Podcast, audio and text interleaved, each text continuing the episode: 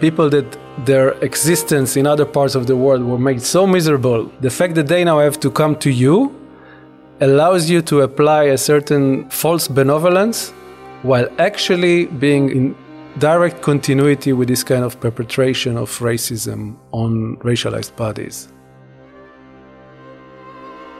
So, on all these different levels, you see racism embedded in how the immigration field operates.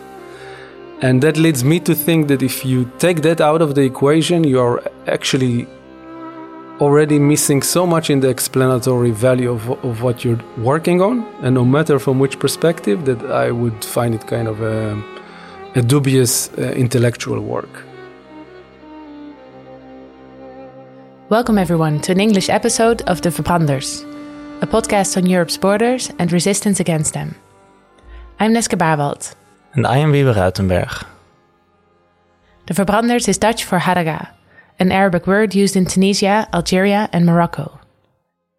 Haraga literally means those who burn, and is used to speak of people who cross European borders without permission. It refers to the burning of identity papers, those who do Haraga burn Europe's borders. You're listening to our second episode with Barak Kalir, associate professor of anthropology at the University of Amsterdam. In the first episode we did with Barak, episode 5, which we published a couple of months ago, Barak explains how deportation is organized in the Netherlands. In this episode, we talk about Spain. We talk about the organizational culture of the Spanish police and their focus on deporting what they refer to as foreign criminals. We talk about the role of NGOs in implementing so called voluntary returns and what voluntary really means in this context. And we talk about Barak's concept, departheid, how it helps us think about the colonial roots of borders, how it points to how access to mobility is structurally racialized, and how it draws attention to the forms of racism people encounter as they move through borders every day. As always, we'd love to hear your thoughts on the podcast. You can leave a comment on our Instagram or Twitter, or send us an email to theverbranderspodcast at gmail.com. If you would like to hear more from Barak, make sure to also check out episode 5 of The Verbranders. Enjoy!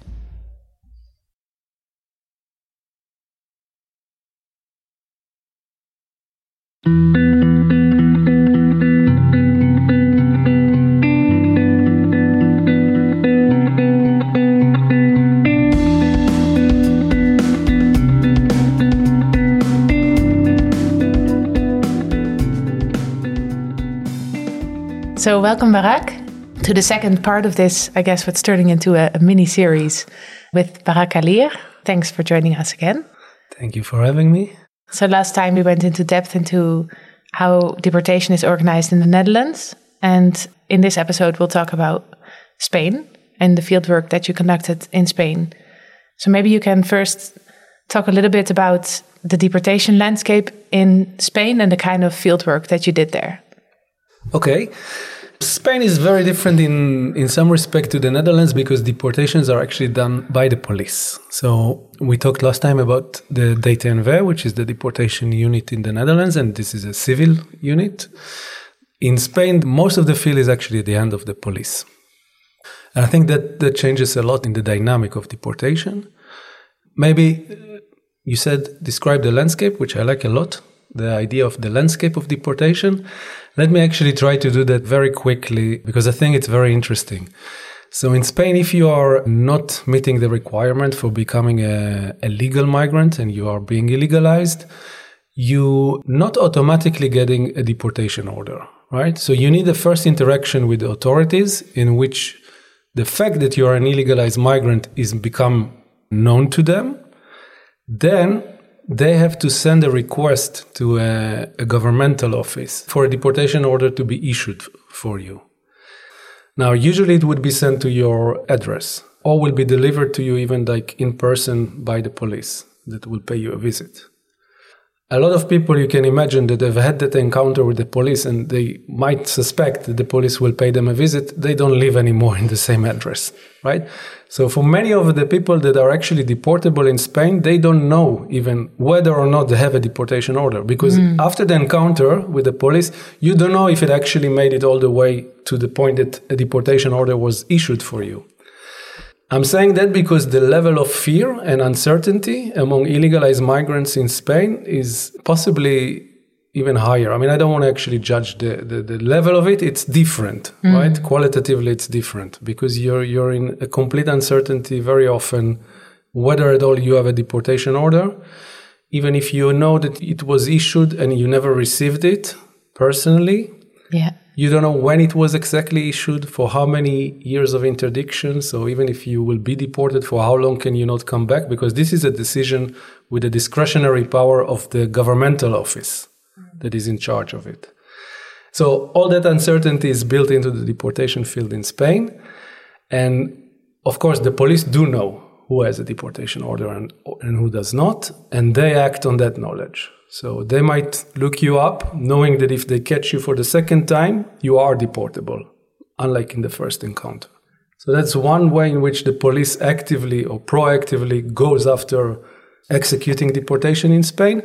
The other one is just like in the Netherlands when you have been detained, and that can be by any police, not the deportation police, for whatever reason, and they found out that you have a deportation order and they ask for detention and a judge has to authorize detention in a detention facility.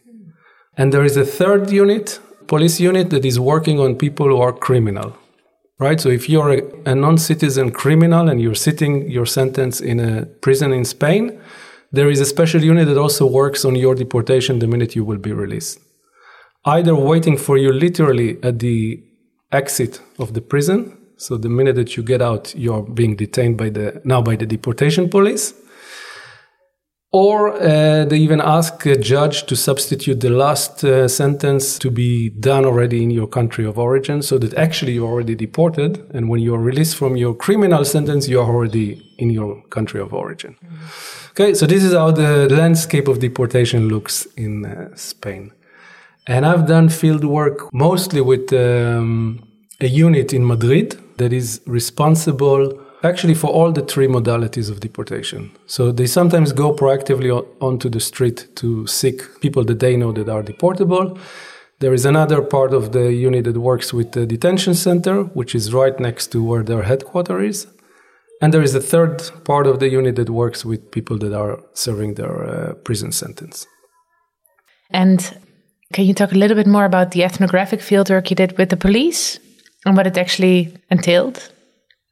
So it was a, a very interesting ethnographic work in the sense that when I got um, permission to conduct it, they really like they were in the beginning they were quite suspicious of me, but it took a few interactions for it actually to be for me quite surprisingly how open it was. I mean, literally like doors were thrown open you have to think that the headquarters has more units. So the building of the police where the deportation unit is located has more units. Mm. And I would go every morning that I would arrive, I would get this kind of a visiting uh, tag, and I could just walk around the whole building, go in and out of any place, and people would ask what I do, and I would say I'm a researcher, and I could just literally talk to anyone who would have time for me. And then at the end, I, I also asked to do like a one on one interview with many of them, almost all the agents. And they dedicated for me a room, like a real nice room, where they would come. I would make an appointment with them, you know, and they would come to the room. And so I was really amazed with the level of access that eventually I got. Maybe I will just tell you what were the main things that I take from it, from the attempt to get the access, which was uh, very difficult. So I just learned that the system is very opaque, very informal. It was really up to somebody eventually to say yes or no, and a lot said no. It's very easy for the people that work in the state system to say no to this kind of request. There is no repercussions for them. Yeah. They don't need to explain it to anyone. So I also learned that there is this kind of uh, intense level of impunity playing that they don't feel at all accountable to any other instance. It's really, the thing stops at their door. They say no and it's no, and nobody will ever ask them why, and they don't care if I'm from the European Union or from wherever I am. Something you write about in the context of Spain is a policy called qualified expulsions. And it relates, I guess, to this third category of deportations that you just described. So, deportation that allegedly targets quote unquote criminals. And could you talk about that policy, how it came about, and who it targeted? So, uh, qualified expulsions were something that came about uh, like around 2009, 2008 in Spain.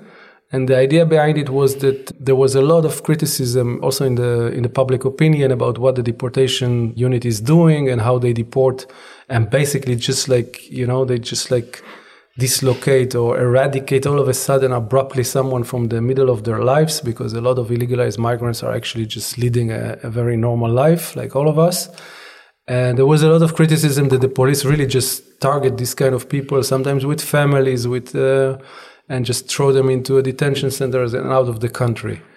And that became like unacceptable almost publicly. So the police, uh, the minister, decided that they will invent this category of qualified expulsion. Expulsion, by the way, is, is uh, synonymous to deportation, right? But this is the term that they use in Spain. And that means that the police from now on allegedly will only deport people that are having a criminal uh, record. Or in their language, they will only deport criminals, right? And that had like this kind of a double uh, function, I think. One was vis a vis the outside world, so from the police outside, to the public opinion to give the police this kind of face of look we're not anymore just taking people out of their life for no reason and throwing them away we are really targeting people who are dangerous for our society who none of us wants to be here in spain uh, should not be here in the first place and we're like doing this kind of important task and internally, it was, I think, supposed to shore up a sense of mission among the police itself, because um, the way that they told it to me, and it still is after the introduction of expo- uh, qualified expulsion. The idea of deportation and the whole migration field is looked down at as a police work. So it's given to the police, unlike in the Netherlands, for example, and other countries where it's not the police that is in charge of it. And in Spain, because it's given to the police, I think there is this consensus among themselves that this is a bit of like a nonsense job, you know? So most people, even uh, when I asked them about motivation, like why did you join it, it was either very young cadets that just finished the police uh, course and they don't have a say about where they are stationed, and they were thrown into either. Uh, because also the detention centers are guarded by police, not the special police, just police. So they would either end up in this deportation field because they had no choice and say about it, or very much veteran officers towards the end of their career after being in all kinds of intense police work and they wanted sort of like a, a, vacation from it you know they wanted to relax. Because it has this kind of a very light meaning like what is deportation migrants? It's not it's not interesting. It's not even really a police work. So by focusing on on criminals i think that the the idea was also to make it a bit more interesting for the police and give them a sense like, look, you are back to your job, you know? Now, what, what actually happened, so the idea was, and that was defined by the directives. It, it, again, it wasn't the law. And the directive said that it, expulsion deportation is somebody with a criminal record. I'm paraphrasing, I cannot reproduce exactly, but it had to be like a serious criminal right? So it has to be somebody with either a penalty of more than one year in prison or uh, committed and they specified what kind of crimes which is not like if you pickpocketed you know? Mm. you had to be like a serious criminal for, for to qualify as such a deportee. And they also put together a new uh, department police department that would only deal with this kind of criminal uh, non-citizens fast forward because I, I've done field work there mostly like from 2014 to 2017. So we're talking way into the idea of qualified deportation already in operation. And when I started to ask people, uh, agents, about it, who do they deport and what does it mean to them, I started to realize that they deport anyone that has a police record. Mm. And now, a police record, in case you don't know, it's something that is very easy to acquire. If the police literally makes a record yeah. of their encounter with you. Precisely. And it doesn't even have to be that you're guilty of something. It doesn't even have to be that you were that any charges were put against you. And then it was found that you are not guilty. You don't even have to go so far. It's just like you said, the encounter with the police can translate, according to the police, into a police record. Basically, they saw you walking next to a car that uh, was uh, vandalized or broken into, right? And they suspect that you did it. So they stop you, they ask you about it, they interrogate you, they think, hmm, probably it's not you, or maybe it's you, but we don't have time for you, whatever, we let you go. But we write down your name and we make a police record of it. That's it. Yeah. You might have not have anything to do with what they suspected you to. And you have a police record. So then I, I asked them about it because I realized that some of them operate on that basis. I said, but this is this is not actually qualified deportation if you stop somebody with a police record. And then the reaction that I got were really telling. They, of course, and here comes in the fact that it's the police that is doing the deportation work. So with it comes that kind of police pride. What do you mean a police record is not enough? If my colleague stopped someone and made a police record, that's because for sure that person is a criminal. Maybe they didn't have time to really take him to prison or to the judge, or maybe they didn't have time to, you know, deal with it on that moment. But especially if I see when I stop someone that that person has four police records, let me tell you, it's a criminal.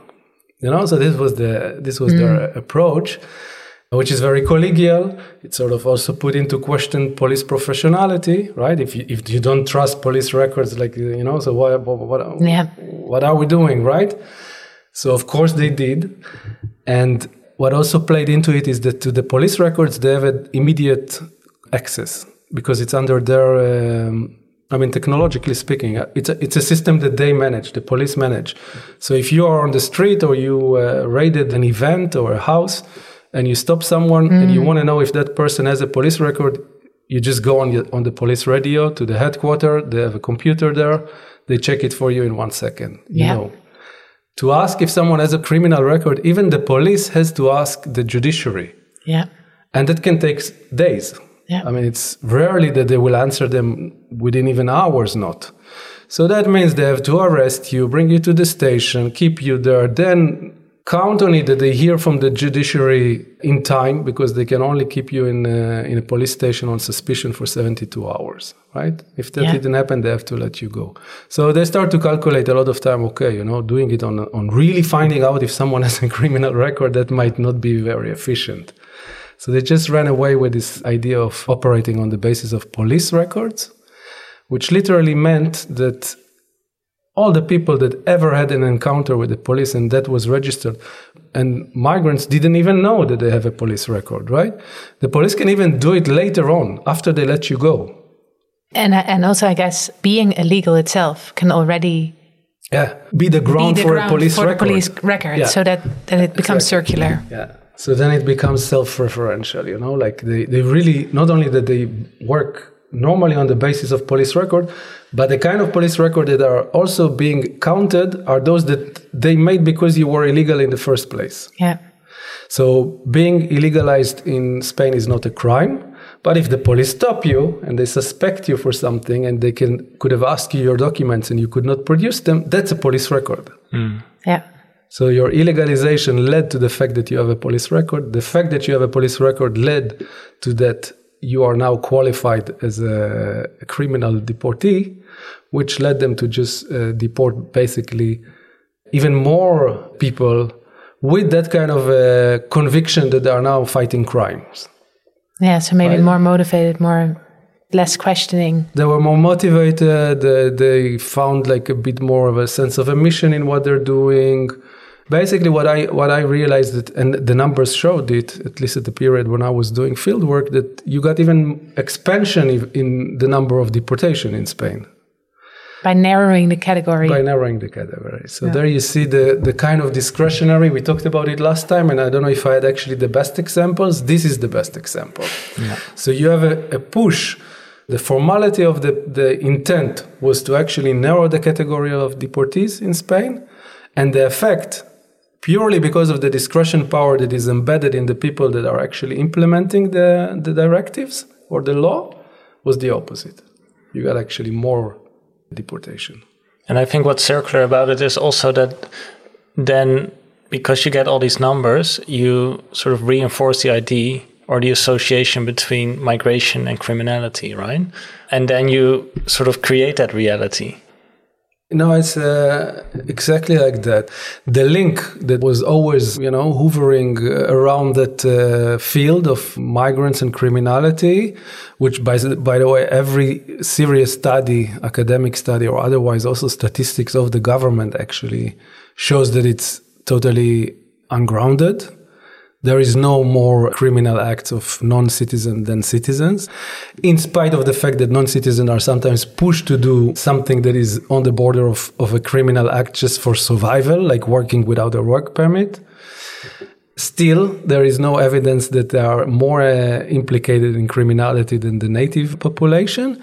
But what what something like this kind of a, a qualified expulsion did is that, of course, the, it, it cemented that more um, colloquial idea of a link between migrants, especially illegalized migrants and criminality, it cemented it. It made it like, uh, yeah, obviously, look how many we are deporting. Uh, so that talks to, that speaks to how many criminals there are among these uh, migrants, right? So, and what you saw is also that every um, newspaper article that documented like this kind of qualified deportation, especially in the first years after that it was introduced, all the people that were on this were brown and black yeah. skin color, right? Which was very, very telling. So it didn't only cemented the link between migration and criminality, but also very much between racialization and criminality and migration. So it was like a tripod. And that's produced via ethnic profiling by the police, I guess.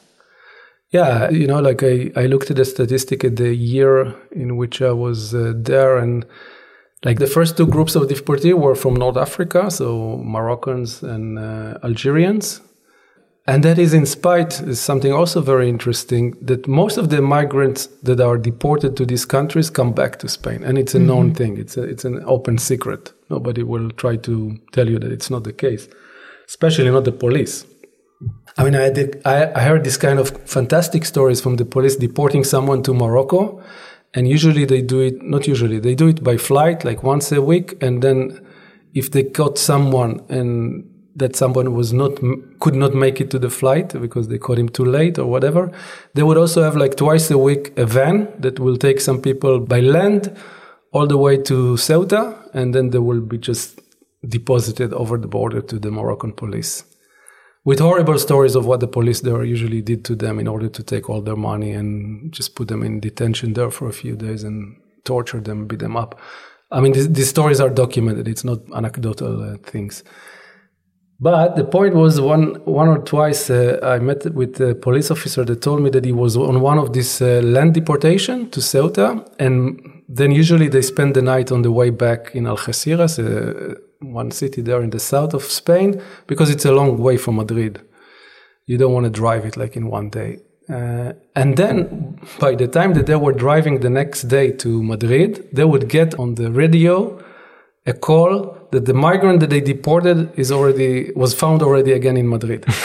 so obviously was one of the lucky ones that was not detained for a long time by the police there, maybe just also paid his way out mm-hmm. and immediately took a flight and got there before the police got there. So there was this kind of, it was totally futile. The police knew about it, and still the majority of the deportees were from this kind of countries. And all the rest of the um, countries after these first two in the, in the list of the top 10 countries, they're all from Africa.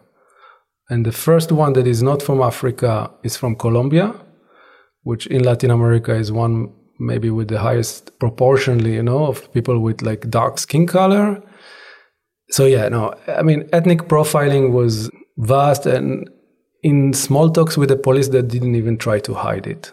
You know, like I was, I was told things like, we know who the bad guys are, you know? And I mean, how do you know? When we stop people at the metro exit, because that was one uh, very um, common method where they do their uh, arrests, we don't stop those who go to work. Like they know exactly who's, you know, going to work and who's there, just like for whatever other reason. So no, ethnic profiling again, the evidence of the statistics and the practices, it was it was endemic to how uh, policing for deportation was was happening. Can you, because in your more recent work, I guess you try to think more deeply about the integral role that racism plays in the whole deportation landscape. Is that something you want to talk about maybe a bit more? Definitely. I mean, I will start at the end maybe by stating that I think that uh, you cannot actually study the migration field without studying racism. I think that uh, the migration field is pervasively uh, filled with racial, racializing, and racist dynamics I mean, th- th- these are three different things. Uh, we maybe want to take a minute to to distinguish them. Racial, racializing, and racist. Yeah. So racial would be something like operating on the level of racial profiling, right? So the the notion of of a certain uh, racial element is there, and you just enact it. You just put it into practice. Racializing would be something like qualified deportation, where you actually create a dynamic that induces or, or compounds racialization within society, right? So th- that's the thing that creates the idea of being able to act on a racial profile or justify it. And racism is just plainly enacting in a violent way on that idea that there are racial uh, borders and racial lines importantly structuring society, right? So that would be like using exaggerated police violence, either in arrest or in the detention center or during deportation. Again, all these instances are well documented. I mean, uh, I, I, don't need to come with anecdotal things from my field work. You know, there are like entire reports written about excessive violence in all these instances. And that for me is racism. So this is where you see that racism is actually structuring the way that this population is uh, treated. And it goes, I mean, I can talk very long about racism. I don't know how long you want me to talk about it because there are the, it also operates on these very three very different levels. So structural, institutional, and individual or everyday.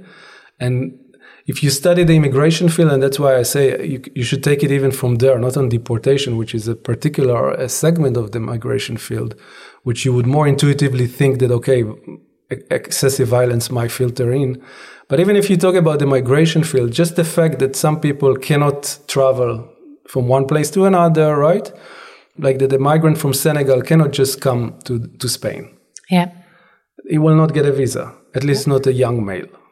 And when he gets to, in if he gets to uh, Spain by whatever means, he will be legalized. That's all on the level of, you know, the structural level of how yeah. the law operates and what are the opportunities that some people of us have and others don't. Particularly through the Schengen visa regime.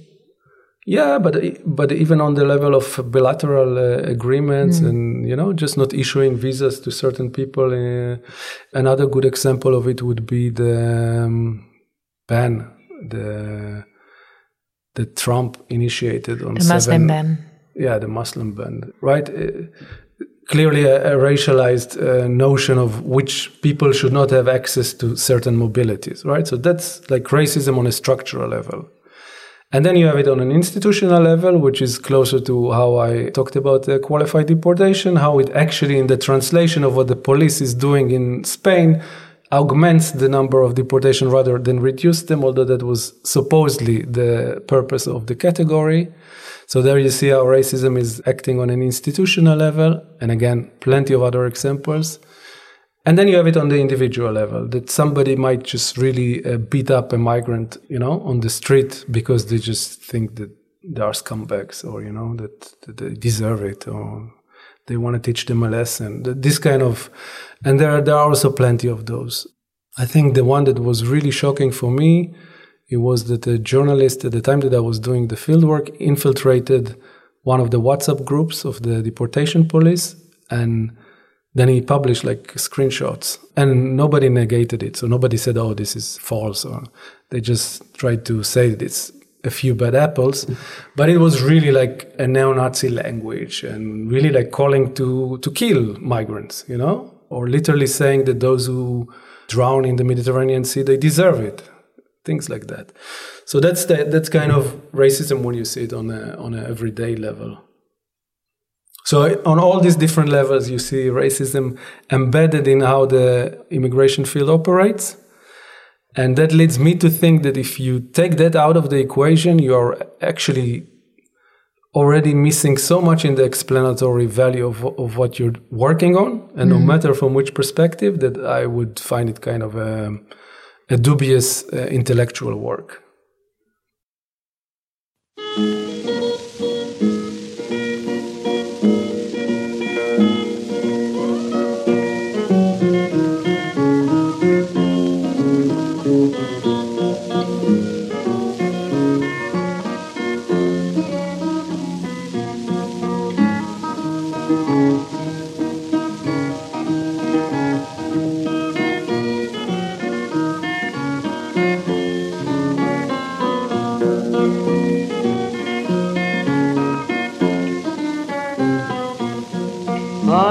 Αδυνατήσα ο καημένος απ' το ξύλο το πόλι που βαγά στο δεκάδιο βρε απ' την κοροφυλακή που βαγά στο δεκάδιο βρε απ' την κοροφυλακή αδυνατήσα ο καημένος βρε απ' το ξύλο το πόλι που βαγά στο δεκάδιο βρε απ' την κοροφυλακή που παγά στο δεκάτριο βρέχα τη χωροφυλακή.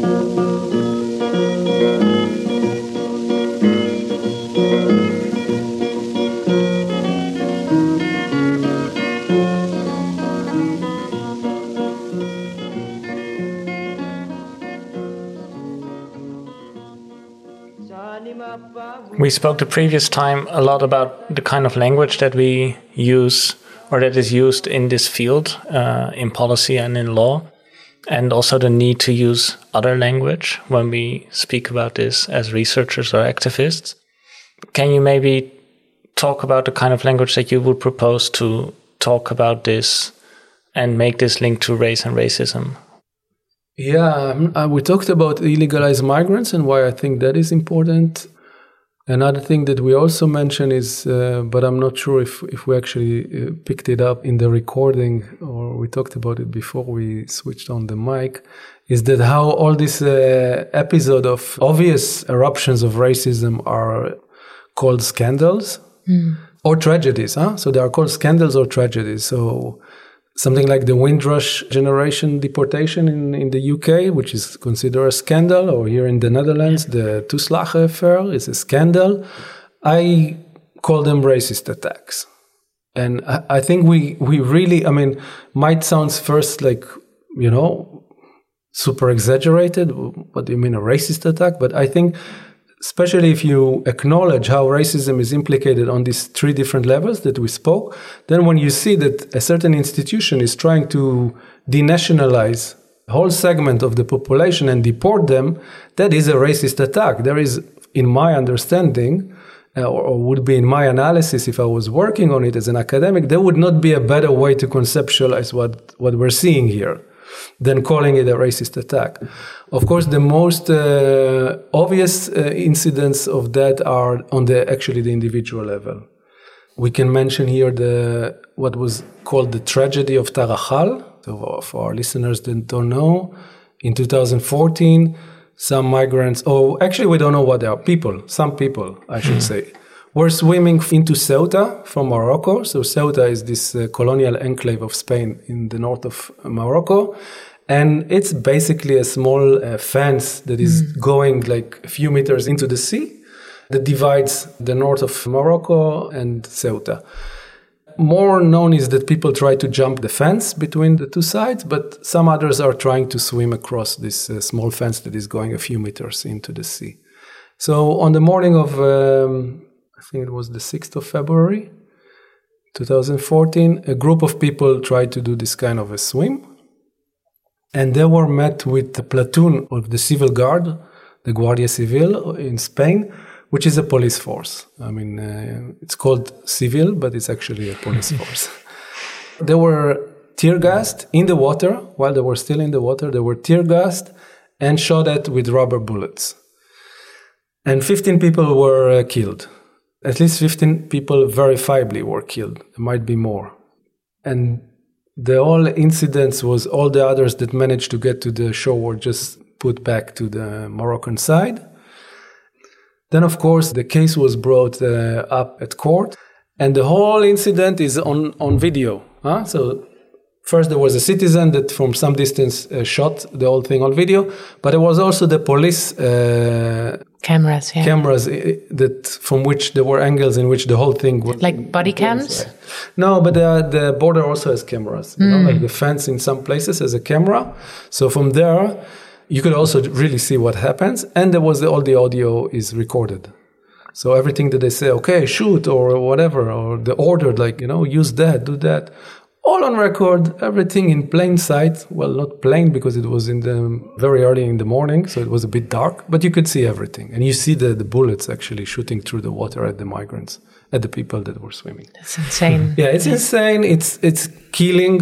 Uh, it's racist. I mean, you would never imagine that it was a group of uh, Swedish tourists that they would m- be met with the same approach, right? Yeah. I mean, imagine that they were visiting Morocco and swimming and got, you know, into without noticing the Spanish side of, of the enclave.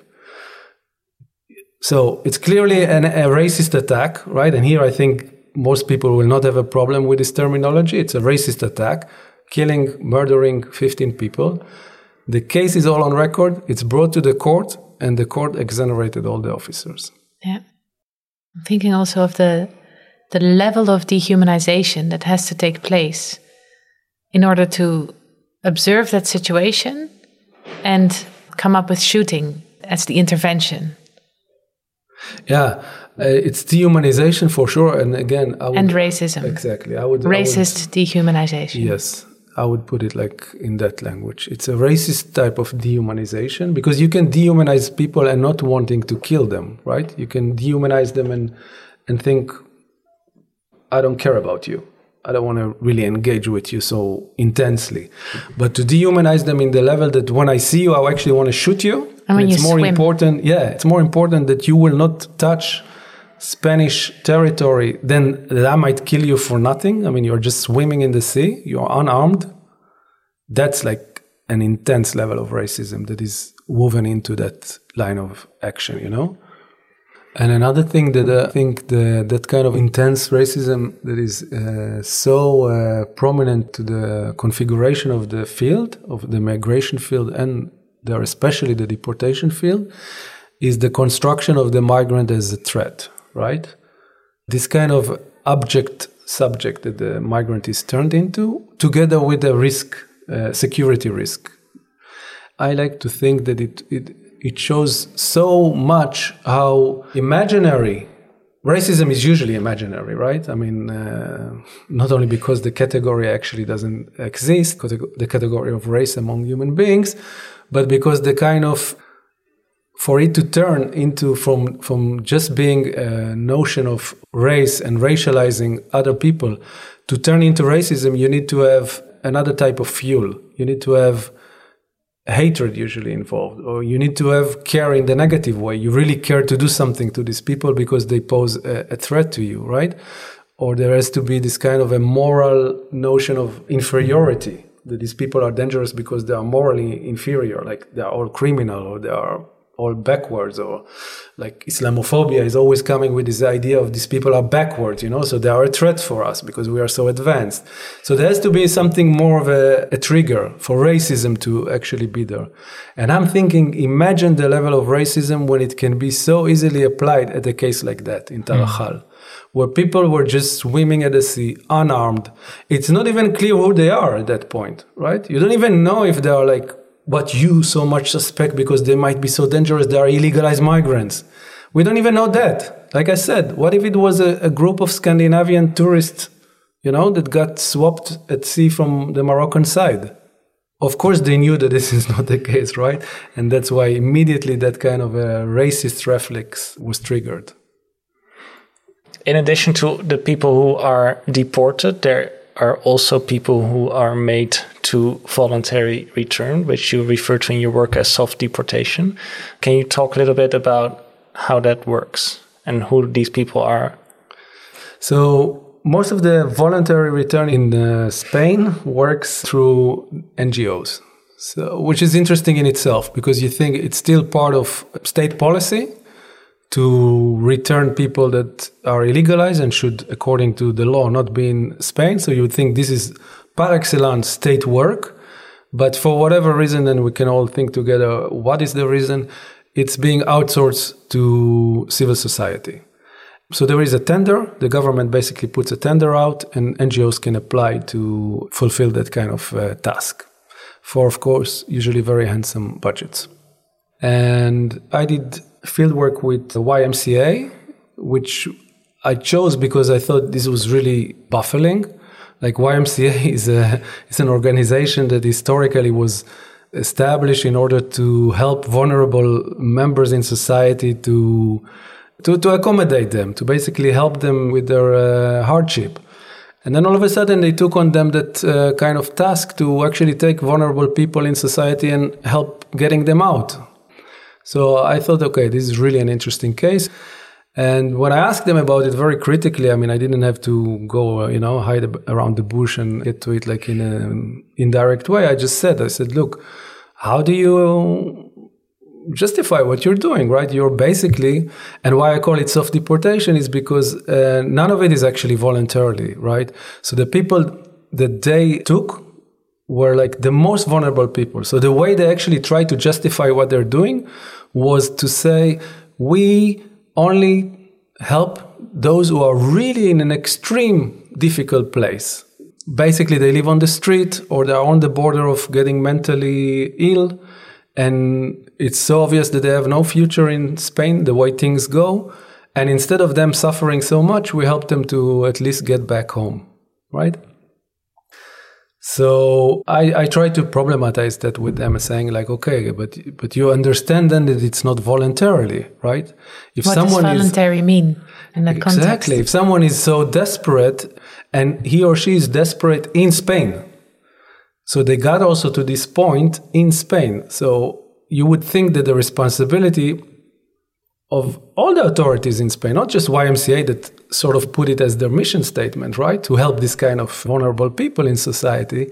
But the, the whole responsibility for taking care of these people not to be in such a dire place is on the Spanish authority, on, on both the state, civil society, actually everyone, right?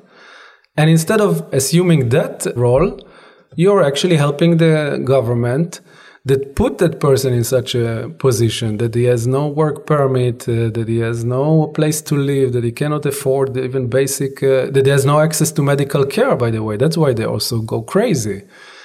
Instead of saying, I will fight that and I will make sure that this person has these services available, you actually go along and you say, well, uh, the best solution is uh, to get them back to their uh, country of origin.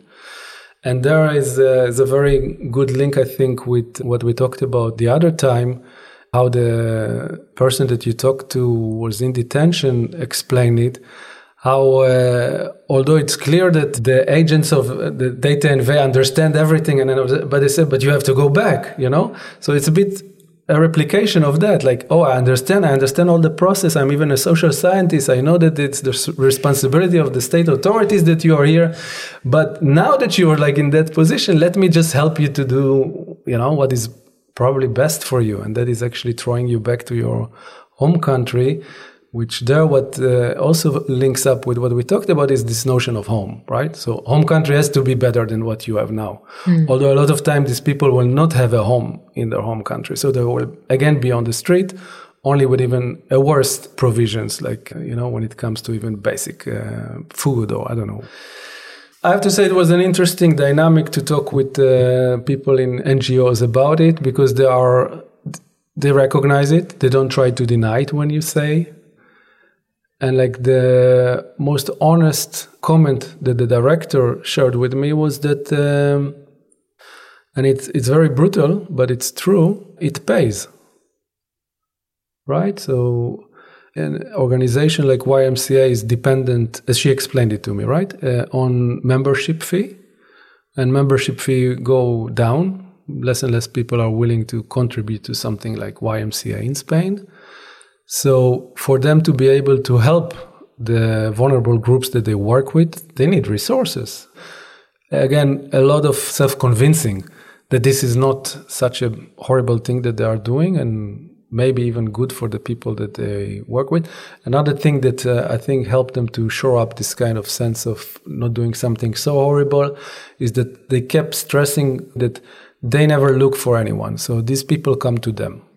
What I found really evocative, to use a fancy word, is in an article that you write on this, is kind of a parallel that you draw between dock workers featured in the film The Waterfront and the volunteerism of people coming voluntarily to YMCA. Can you talk about that parallel?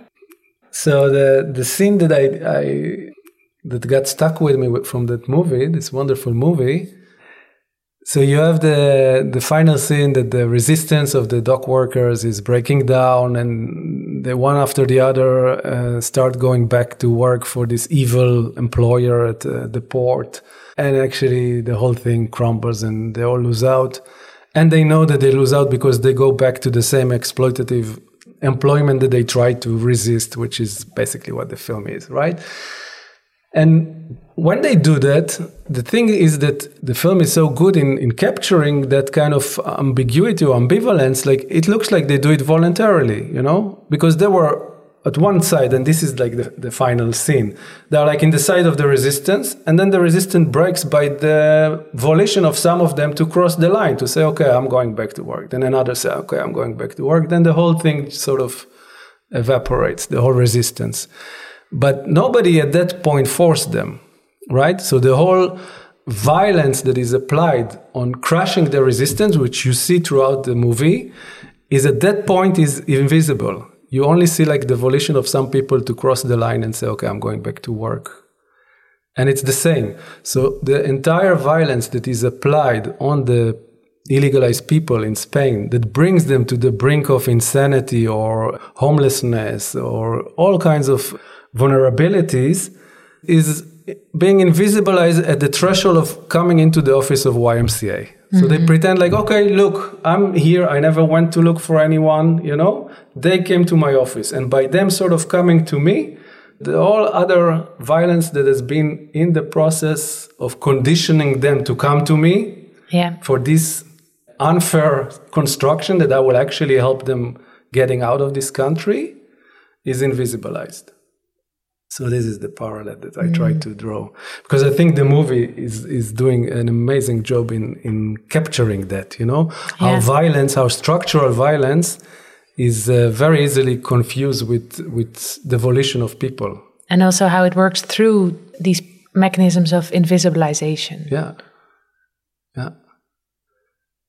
And then you see it happening with people that are like trained in social science and you think they will they will crack that easily, they will understand, they will not fall for it. And they do and it uh, to be honest I'm I was sort of happy to hear that the reasoning is is so brutal. that they not try to sugarcoat it or talk it more than what it is. So yeah, it's sort of like a business model.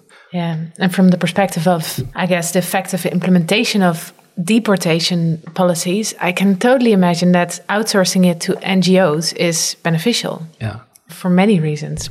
Yeah, no, it's beneficial on on the immediate level of um, giving it a good face. Yeah, exactly. So again, like making deportation look a bit nicer and, and actually getting the NGOs, the civil society implicated in it already sort of whitewash it, right? There, I think that a lot of NGOs are just stupid to fall into this kind of trap, even if it offers them some money. The other thing is that it's actually cheaper. So it's cheaper for the state to work through NGOs operating voluntary return than through the oppressive side of the state, sending police units. Every day in detention t- center costs so much. Every deportation flight costs so much. Whereas if you get somebody to leave voluntarily, that person lives alone, right? If you have to uh, do a forced deportation, that implies at least two agents for each deportee. So, I mean, the numbers are, are also uh, there for the state to really like the idea that NGOs are doing it for them. Mm-hmm. And it's, it's also lead to the overall effectiveness of the deportation field because some people will uh, fall for it. You know, like we talked uh, also in the other uh, conversation about how the DT&V, when they talk so nicely to, to migrants, some see through it, others fall for it. Yeah. And they actually break down or they just get convinced and they go along with it. So the same here. Some will not fall for it, and okay, then the repressive state will have to come in. But others will just live like that, and that's like a, a gain for the state overall policy. Mm. In one of your articles, you proposed the term departheid to talk about how migration regimes are about race. Can you explain what you're trying to do with that term? What kind of work you hope that that term can do? I see departheid as one of the the last pieces that I might write on the topic. So I see it more more like a conclusion of a lot of other things that I try to do, and the work that it aims to do. I don't know if it will achieve it. Is to bring coherence to a lot of other things that I sort of saw or analyzed uh, separately. And this is precisely what I thought we need a term that might be like a roof, a good roof for a lot of these things that otherwise we we work on them as separate instances or separate dynamics that all have to do with the immigration and deportation field and how the whole thing is structured on this level of racism that we talked about before. We actually, as academics, but also other activists and social movements and NGOs who are critical about what's happening, we're actually being fragmented in our attempts to capture what is it exactly that we're facing you know? So i try to to go for this "departheid" thing because of the of course connotation to apartheid which i think the minute that this kind of regime got a name it was very easy to talk about it for a lot of people. It was very easy to conceptualize it outside of of the field you know? Like what is mm-hmm. happening there in south africa and how much that is like in one word immediately tells you about racism as an ideology, but also racism as a practical thing that orders society. As an architecture. As an architecture, as, as a legal uh, infrastructure, conditioning social relations, you know, like you were not allowed to marry across mm. uh, racial lines. And I thought we don't have a concept like that right? That, that can pull together why millions of people are being denied certain mobilities around the world, why tens of thousands of people are being killed at borders of so called Western liberal states, and why, again, millions of people who live without a status uh, that the state impose on them are destined to this kind of life of anxiety and danger and poverty and uh, marginality I thought we do need a term that like in, in, instantly communicate that structure that we're facing you know? And others have talked about and written about global apartheid yeah. um, when it concerns access to mobility. Why do you not use that term or why do you what distinguishes apartheid from that tradition? So i, I like a lot the notion of global departheid and um, i think it, it highlights how the world is being divided in ways in a segregated way on an international level. Like there is a great book now by uh, Catherine Besteman on militarized global apartheid. And she goes also to the nitty gritty. It's an entire book, so she has like the length to go also to the nitty gritty of how it's playing out at certain locations. But I thought that this global apartheid is very good in capturing the international landscape of mobility. Mm-hmm. But it doesn't really take you to the resolution of how racist the actual implications are for people who try to move within that kind of a system of global apartheid, right? So that they actually die at borders or they are destined to life with anxieties and no access to medical care and all kinds of hazard when they made uh, made it through the the global apartheid and exercise mobility somewhere. So I thought the apartheid is much closer to the lived realities, not only of the mobility, but of life, you know, of life under a certain oppressive system that is really racist. And like the examples that we talked, and I have I have many of those, you know, it's also like really a, a violent killing system. So I thought, okay, I, I, want to have something that brings that intensity of racism as a lived experience in localities, not just as, as part of the exercising mobility globally. Mm. Both of them, like it brings it all together. And um, yeah. And I guess it also, when you put it to work in the European context, it kind of destabilizes this idea of Europe as, by definition, a bastion of liberal democratic values or, yeah, whatever it is. Yeah, no, absolutely. That was very much a conscious uh, thing. I don't know to what extent I succeeded in it, but my attempt was definitely to show that Europe is rather than the place where uh, human rights uh, standards and all kinds of values like liberty and freedom of movement are cherished and you might even say were invented, although obviously not. It's really like a fallacy.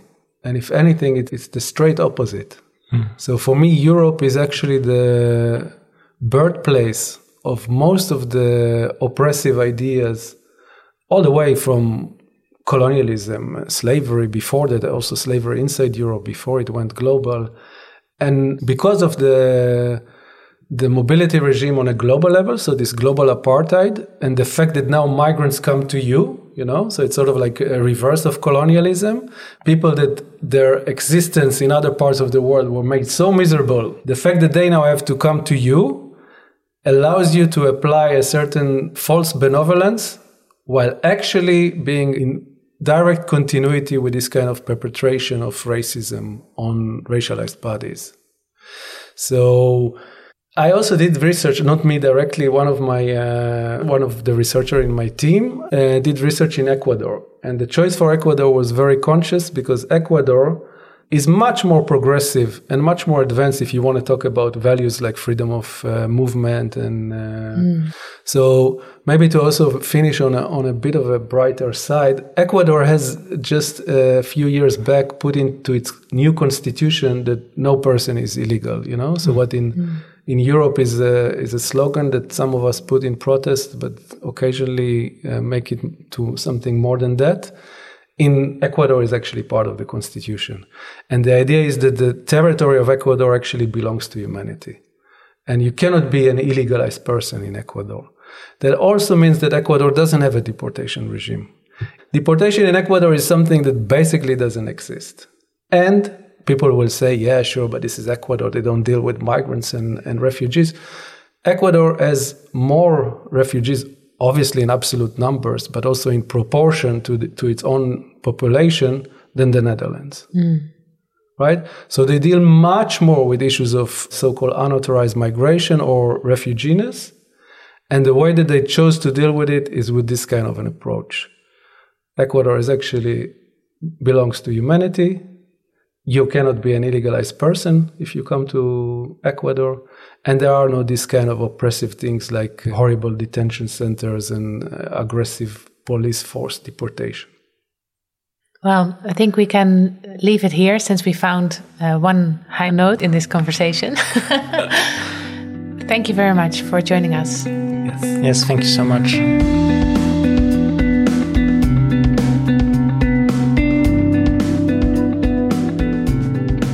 Before closing this episode, we would like to thank a few people, collectives, and organizations. Be Carrot for the illustrations we use on our social media accounts, Thomas from Dark Roast for the graphic design, Joris and David and Ellen and Neske for the music. The MKZ Binnenpret for allowing us to use the space to record most of our interviews.